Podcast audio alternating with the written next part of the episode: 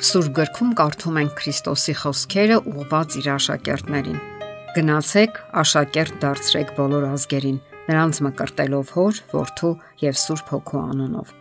Քրիստոնեական կրոնը աշակերտության կրոն է։ Մենք բոլորս սովորել ենք դպրոցներում եւ գիտենք ինչ է նշանակում լինել աշակերտ։ Դա նշանակում է պահպանել դպրոցում գործող կանոնները, սովորել եւ կրթվել։ Այն մարդը, ով չի սովորում, չի աճում եւ չի էլ զարգանում եւ նա չի կարող լավ աշակերտ լինել իսկ հետագայում արդեն չի կարող կրթել որևէ մեկին այսինքն լավ ուսուցիչ չի կարող լինել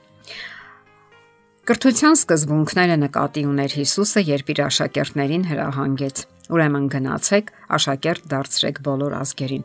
Աշակերտ լինելու լոգ դավանումը անիմաստ է, եթե մենք պատրաստ չենք սովորելու։ Հովանես Սարաքյալն այսպես է ասում. Ով ասում է նրան ճանաչեցի, բայց նրա պատվիրանները չի պահում, ստախոս է եւ նրա մեջ ճշմարտություն չկա։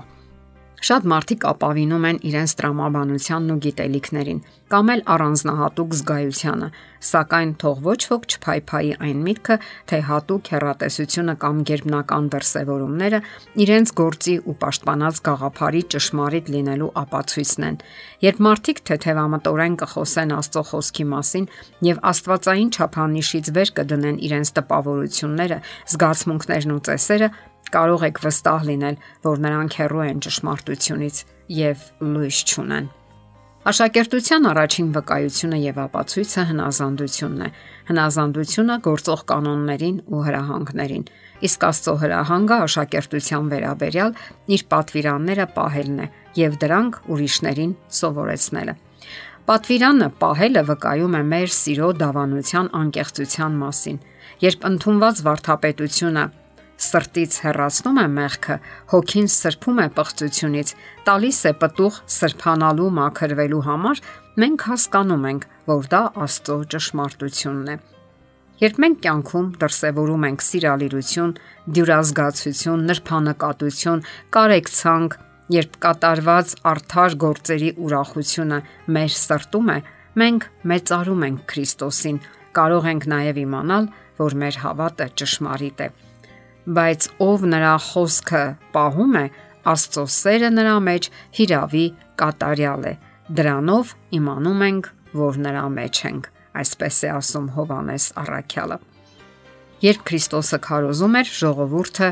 տպավորվում էր նրա խոսքերից։ Ճշմարտության սկզբունքների աստվածային գեղեցկությունը պարզապես հմայում էր մարդկանց, եւ Քրիստոսի հանդիսավոր նախազգուշացումները հնչեցին որպես սրտեր քննող Աստծո ձայն։ Նրա խոսքերը հարվածեցին նրանց նախկին գաղափարների ու կարծիքների արմատներին։ Նրա ուսմունքին հնազանդվել նշանակում է փոխել մտքի ու գործողությունների սովորությունները, ընթացքը։ Ահա թե ինչու երբ Հիսուսը կոչ էր անում աշակերտության, շատ քչերն էին պատրաստ ընդունելու դրանք որպես կյանքի ուղեցույց։ Լեռան վրա Հիսուսն իր քարոզն ավարտեց մի տեսարանով, որը ցնցող պայծառությամբ ցույց տվեց նրա ասած խոսքերի գործնական իրագործման կարևորությունը։ Փրկչի շուրջը համախմբված ամբողջի մեջ կային մարդիկ, որ իրենց կյանքն անց էին կացրել Գալիլեայի ծովի ափին։ Սարալանջին նստած լսելով Քրիստոսի խոսքերը, նրանք տեսնում էին հովիտներն ու լեռնագոգերը, որոնց միջով սարից իջնող գետերը հոսում էին դեպի ծովը։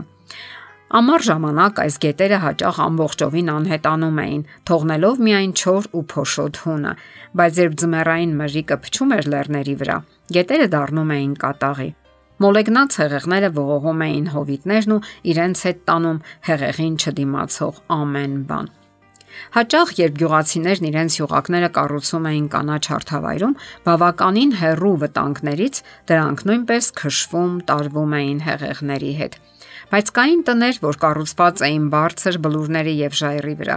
Երկրի ինչ որ մասերում կացարաններ են եղել կառուցված հենց ժայռի մեջ, եւ դրանցից շատերը հազարավոր տարիներ դիմադրել են փոթորիկներին։ Այս տները կառուցվել են ծանր աշխատանքով ու դժվարությամբ Նրանք բավականին հեռու էին գտնվում մարդկային բնակավայրերից, սակայն դրա փոխարեն ամուր էին եւ հուսալի։ Կառուցված լինելով ժայռի վրա, նրանք դիմադրում էին հողմերին ու անձրևներին եւ ոչ մի փոթորիկ կամ մրրիկ ի վիճակի չէր սասանելու անգամ դրանք։ Հիսուսն ասաց, որ նա ով ընդունում է իր այս խոսքերը եւ այն իր բնավորության ու կյանքի հիմքն է դարձնում, նման է ժայռի վրա տուն կառուցողներին, որը երբեք չի սասանվի։ Եսայի մարգարեն դարեր առաջ գրել է. Խոտը չորանում է, ծաղիկը թառամում, բայց մեր Աստծո խոսքը կմնա հավիտյան։ Աստծո խոսքը իսկապես վստահելի հիմք է։ Դավանել Աստծո խոսքերին եւ կյանքում կիրառել այն ամուր հիմքն է, որի վրա մենք կարող ենք հաստատուն ու աներեր կանգնել։ Մարդկային ոչ մի նենգություն կամ խարդավանք չի կարող տեղաշարժել մեզ։ Մենք կարող ենք ունենալ մի քիչ նեղություններ ու դժվարություններ, երբեմն կարող ենք հուսալքվել, սակայն Քրիստոսի հետ միասին կարող ենք համարցակ առաջ ընթանալ։ Եվ վերջնական հաղթանակը պատկանում է ամենակարող Փրկչին, ում աշակերտներն ենք հանդիսանում մենք իսկ նրա հաղթանակը մենք կարող ենք հավատքով մերը համարել։ Դե ինչ, լինենք Քրիստոսի աշակերտները, ուսանողները Աստվածային ուսմունքի, որ տրվում է մեր հավերժական փրկության համար, եւ դա ամենահաճելի աշակերտությունն է։ Եթերում է ղողանջ հավերժության հաղորդաշարը։ Հարցերի եւ առաջարկությունների համար զանգահարել 033 87 87 87 հեռախոսահամարով։